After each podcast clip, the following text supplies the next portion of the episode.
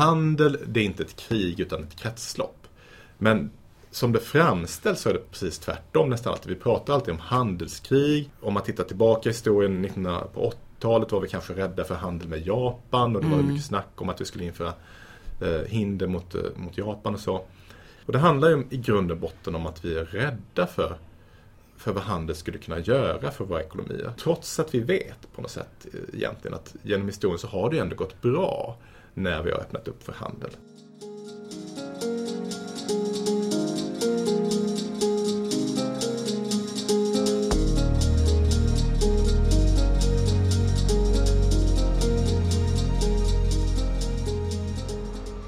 Hej och välkomna till Utrikeshandelspodden, en samtalspodd från Kommerskollegium, Sveriges myndighet för utrikeshandel, EUs inre marknad och handelspolitik. Jag heter Alexandra Hernadi och är kommunikationsstrateg här på Kommerskollegium. I den här poddserien vrider vi och vänder på de frågor vi arbetar med tillsammans med olika medarbetare här på kollegiet.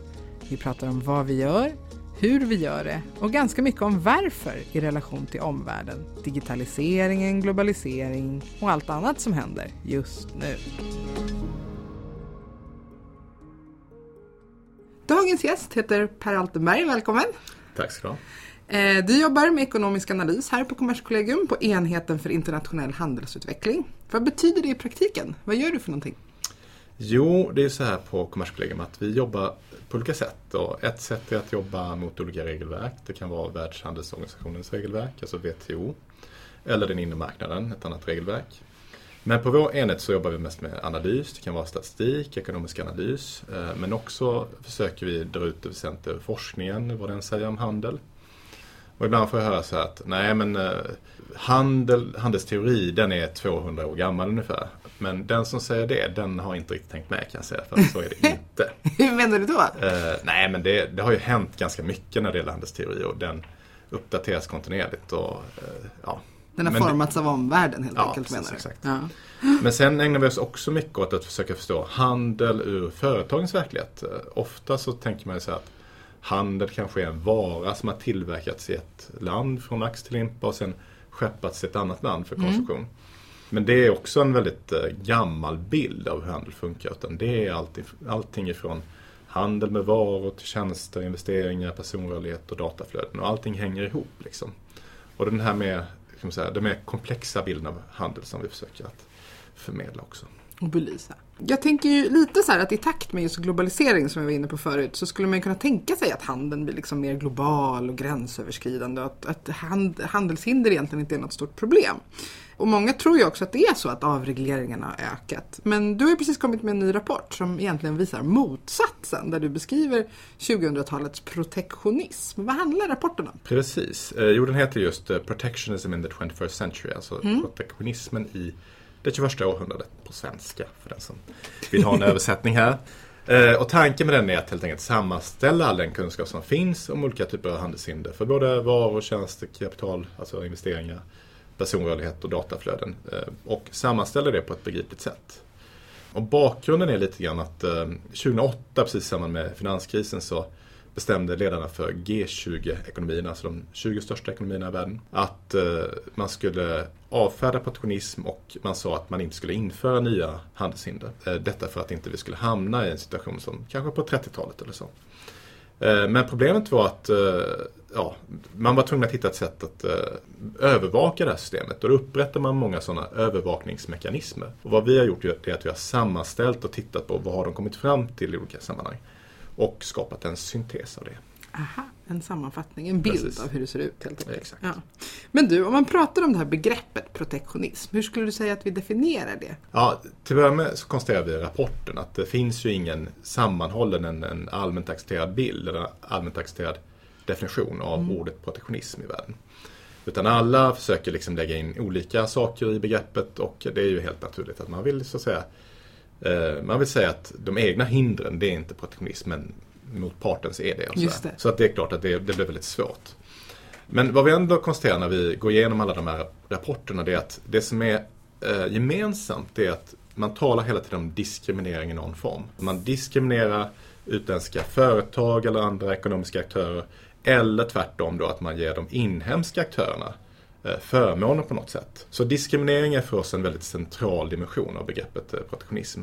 Sen som jag var inne på tidigare också så tar vi också ett brett grepp eftersom vi ser handel som ganska komplext. Alltså det handlar inte bara om varor utan även om tjänster, investeringar, om personrörlighet om dataflöden. Så är det ju hindren för alla de här typerna av flöden som vi pratar om i rapporten. Kan du ta något exempel på det?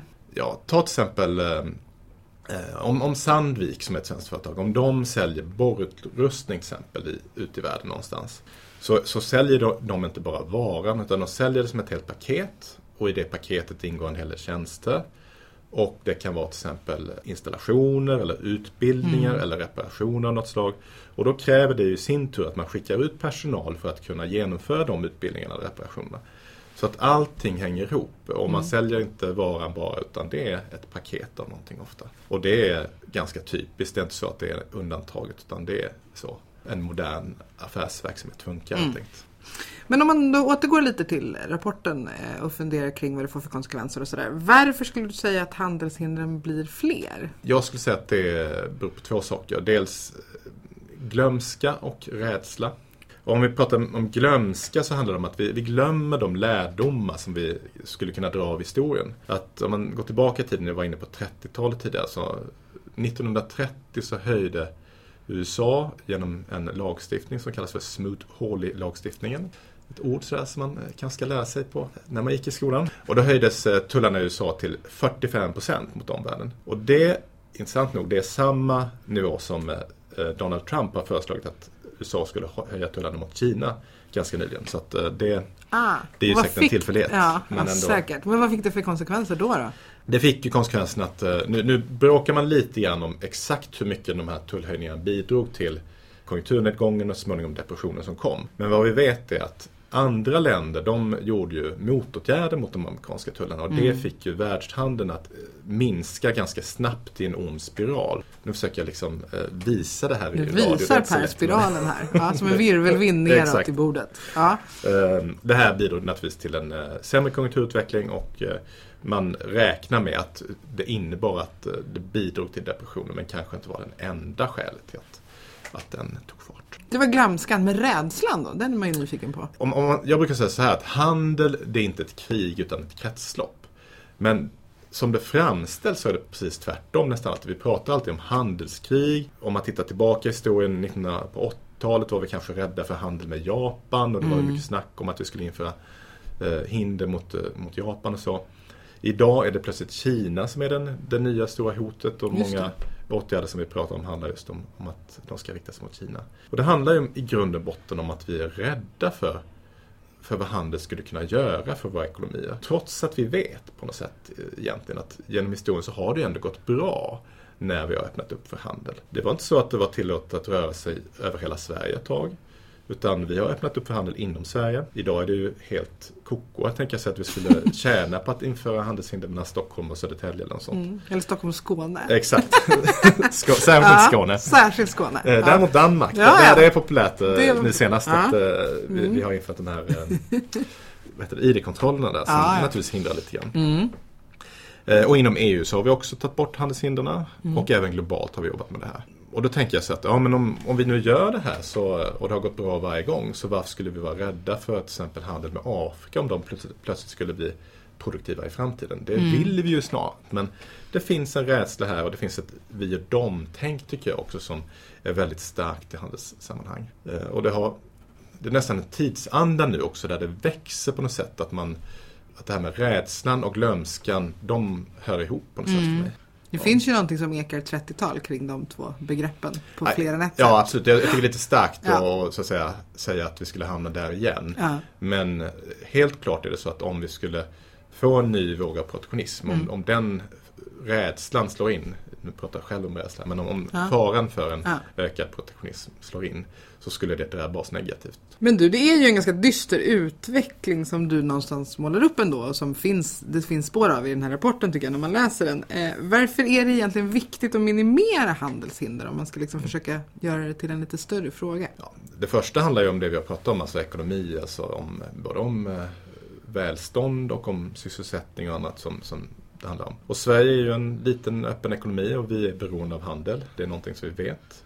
om världshandeln bromsar in så är det klart att då drabbar det till oss också till slut. Eh, en studie som jag läste visar att öppenhet för handel innebär att realinkomsterna, det vill säga köpkraften, ökar med över 30 procent, 32 procent i den här studien. Eh, Sverige var visserligen inte med i just den här studien, men andra mellanstora länder i Europa som Belgien, Österrike, Estland och Ungern. För dem låg den här siffran ännu högre. Alltså köpkraften med handel ökade med 50 procent jämfört med utan handel. Aha. Så så mycket ökar så att säga vårt välstånd kan man säga. Och det intressanta var att för de fattigaste delarna av befolkningen, alltså de 10 procent fattigaste i befolkningen, för dem var effekten ännu större. Där ökade realinkomsterna med 60 procent med handel jämfört med hur läget hade varit utan handel. Ja. Sen, alltså bortom det här så finns det, det är inte bara ekonomiska skäl till varför vi måste bevaka detta utan även, ska man säga, mer principiella skäl eller sådana som har att göra med eh, hur, hur vi tänker på god samhällsstyrning och sånt. Eh, Hur menar du då? Jo, så här, eh, alltså, om man går tillbaka i tiden till när föregångaren till WTO grundades. Ja. Det var 1948 och det avtalet hette GATT, The General Agreement on Tariffs and Trade, Allmänna tull och handelsavtalet. Och då sa man så här, okej vi tillåter tullar Därför det är väldigt tydligt vad det innebär för en importör. Man lägger på sig 10% i skatt helt enkelt när man importerar. Och då vet företagen det, man får lov att importera, det är tillåtet men det blir en extra kostnad. Man sa däremot att alla kvantitativa restriktioner, det vi kallar för kvoter, det förbjöds helt. Tilläts inte alls. Och skälet var just att skillnaden är att om man inför en kvot då, tvingas, då, då måste man införa ett licenssystem. Därför må, någon måste sitta någonstans och dela ut tillträdet till vår marknad. Mm. Och då kräver det licenser och det är mycket mer benäget att, eh, och utsatt för korruption. Mm. Naturligtvis. Så mycket känsligare helt enkelt. Ja, och man vet inte heller om man faktiskt, förutsägbarheten försvinner, man vet inte om man faktiskt får den där licensen och vad det innebär. Alltså är det en mycket säm- ett mycket sämre typ av handelshinder. Och den här, igen tillbaka till lärdomen att vi glömmer. Här, den här lärdomen som vi fick då. Den menar jag att vi håller på att glömma nu på nytt. Därför att de nya handelshinder som vi i synnerhet identifierar. Det är inte så att vi ser plötsligt att tullarna växer mycket. Utan det är de andra typerna av hinder. Det kan vara till exempel diskriminerande behandling i offentlig upphandling. Eh, det kan vara eh, krav på lokalt innehåll eller inhemskt innehåll i produktionen. Eller det kan vara en mängd nya typer av subventioner. Och de är alla, alla de här hindren som vi pratar om nu, de är mindre transparenta och mindre förutsägbara än de här gamla vanliga som vi tänker oss med, med tullar.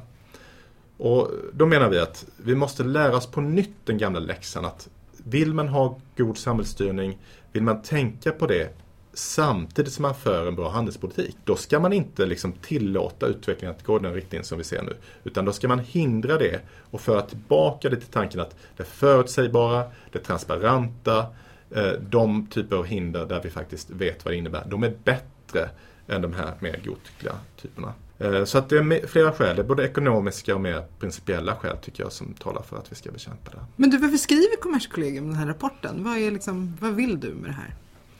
Ja, det är inte jag, utan det är, för det första har ju Kommerskollegium ett uppdrag mer generellt att titta på handelshinder. Eh, Det, det är någonting som regeringen har gett oss. Eh, Men vi, vi har det som, som vår uppgift så att säga, att eh, granska utvecklingen när det gäller hinder och eh, skapa den här syntesen som jag pratade, pratade om tidigare. För att om, om vi har bättre kunskap om vad, vilka typer av, nya typer av handelshinder som finns, då är det klart att då finns det också förutsättningarna, de- då ökar förutsättningarna för regeringen och andra aktörer där ute, för den här rapporten är på engelska så att vem som helst kan ta del av den, eh, att bekämpa de hindren. Förutsättningen för att vi ska kunna bekämpa dem, det är ju att vi vet, har kunskapen om dem. Hur de ser ut? Precis. Men du, eh, vad finns det egentligen för instrument man kan använda för att liksom minimera det här? Ja, det är ju, för det första, det som vi ofta glömmer tycker jag, det är att vi kan göra mycket åt det här själva. Ja. Antingen som Sverige eller som EU. Eh, En sak som jag ofta pratar om det är att vi har ganska stora produktivitetsvinster som är förknippade med att ta bort tullar på insatsvaror.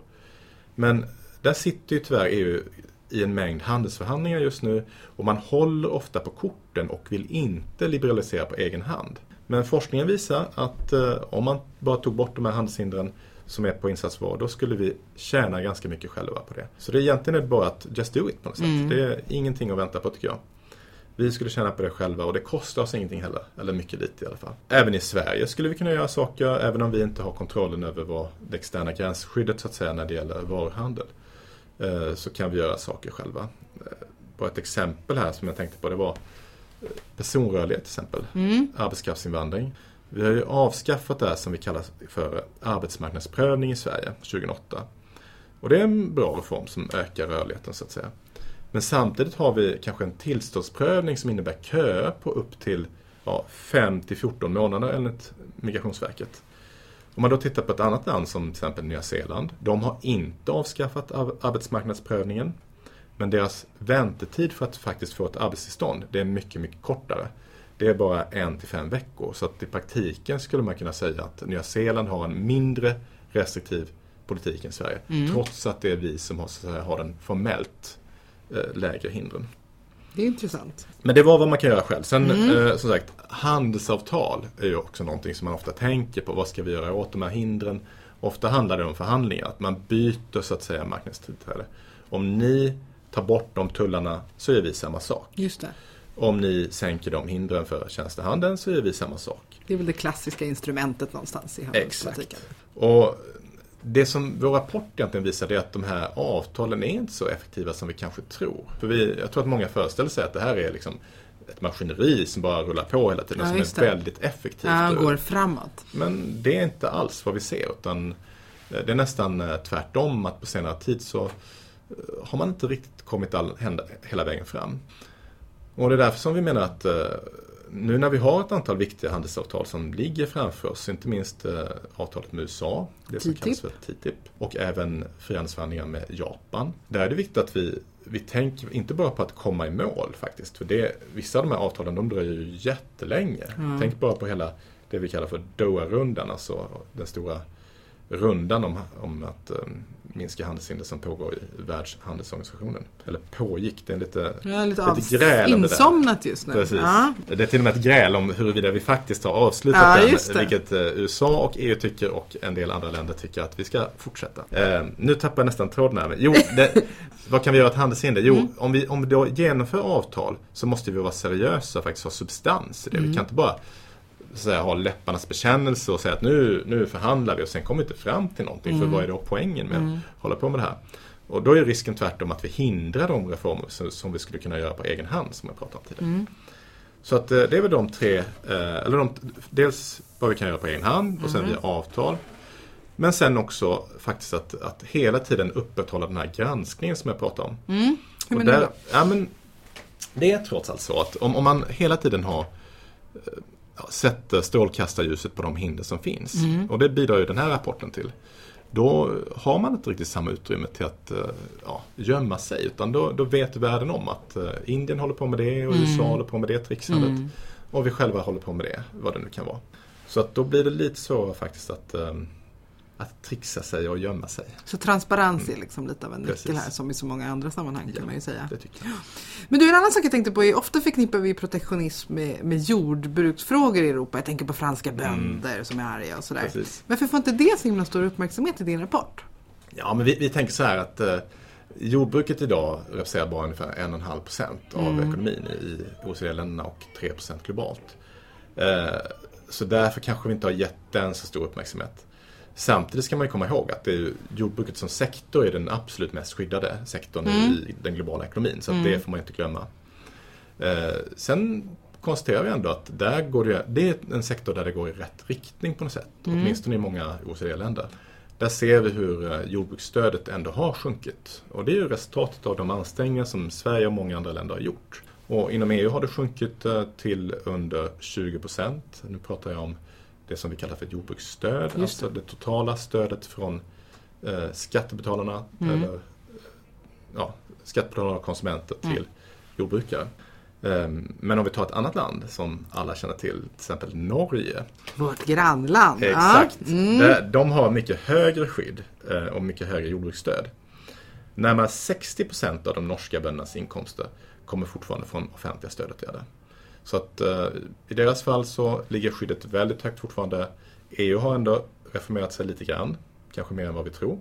Och i ytterligare andra länder som till exempel Kina så har stödet tyvärr ökat. Så att, ehm, ja det är lite mixad bild här. Jag tycker att vi i EU just nu gör vår läxa. Mm. Men vi måste ju fortsätta att reformera för som sagt, fortfarande är ju det här det stora skyddet. Just det. Men du, om vi försöker liksom komma till någon slags ja, konsekvenstänk sådär. I förlängningen, vad kan det här få för konsekvenser? Jag tänker både i Sverige och globalt. Vi har varit lite inne på det, men om du skulle liksom måla upp en Mm. bild sådär. Min rädsla, nu är inne på rädsla igen, men Ja. det, det jag oroar mig för det, det handlar ju om att vi liksom inte riktigt märker det här att under lång tid så blev det ändå en ganska positiv utveckling som vi såg. Från kanske GATS bildade 1948 och över liksom hela krisen som vi hade på 90-talet och ända fram till finanskrisen 2008. Eh, och då lever man i den världen att ja, men det rullar nog på, det går ganska bra liksom och hindren sjunker och vi har globalisering och den digitala ekonomin tickar på och sådär. Det går i rätt riktning. Precis.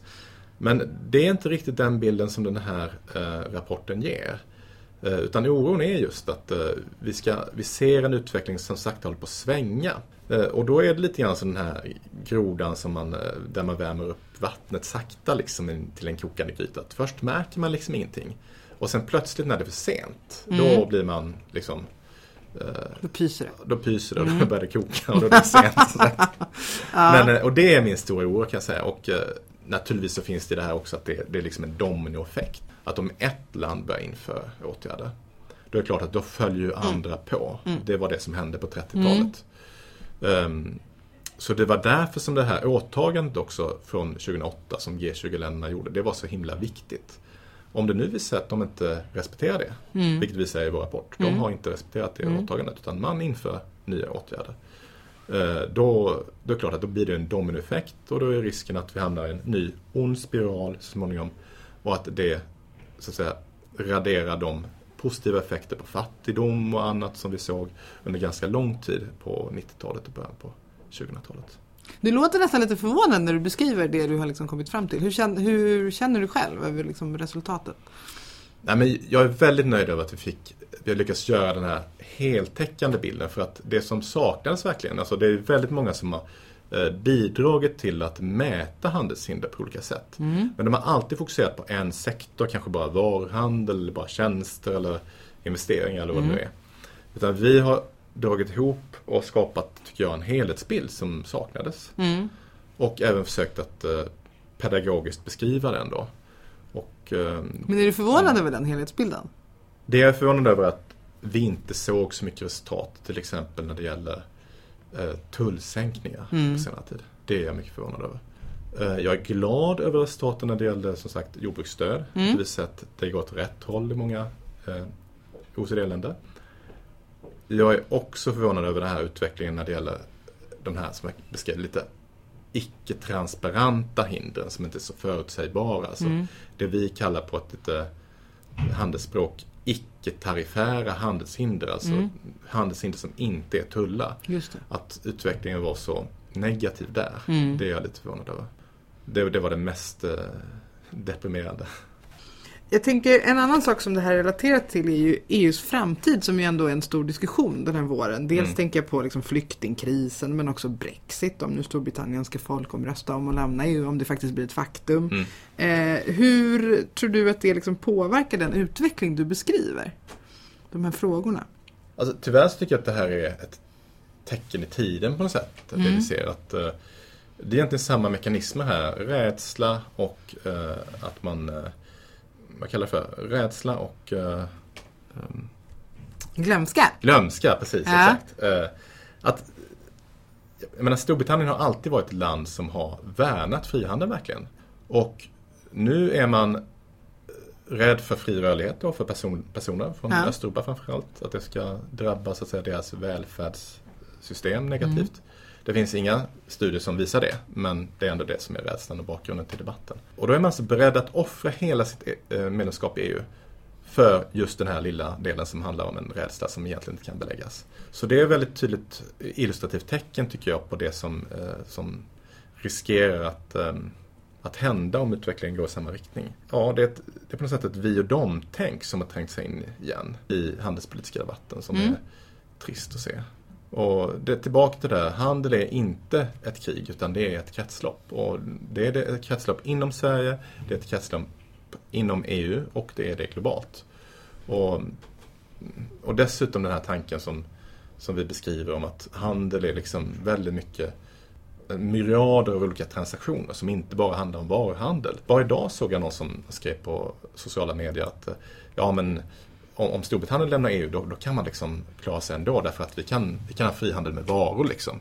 Och då har man missat hela den här poängen att allting hänger ju ihop. Ja. Alltså det är ju personrörlighet, det är dataflöden, det är tjänstehandel och det är ja. Eh, varuhandel och investeringar. Allting hänger ihop. Ja. Och då har man liksom man är tillbaka i något tänk som, som vi inte känner igen på Kommerskollegium på många, många år. Liksom, mm. man ser på handel.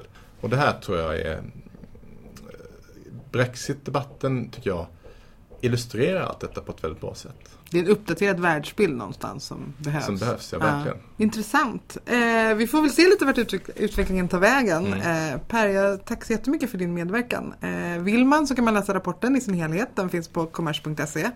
Man kan också se ett par filmer som vi har gjort och kommer att göra med dig. Dels en längre intervju men sen även en film som handlar om budskapen i rapporten. Mm. Tack så jättemycket för att du var med. Tack så mycket.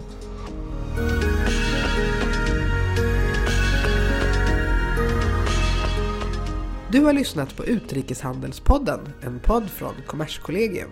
Följ oss gärna på Twitter, där heter vi Kommerskoll. Eller läs mer om vår verksamhet på kommers.se.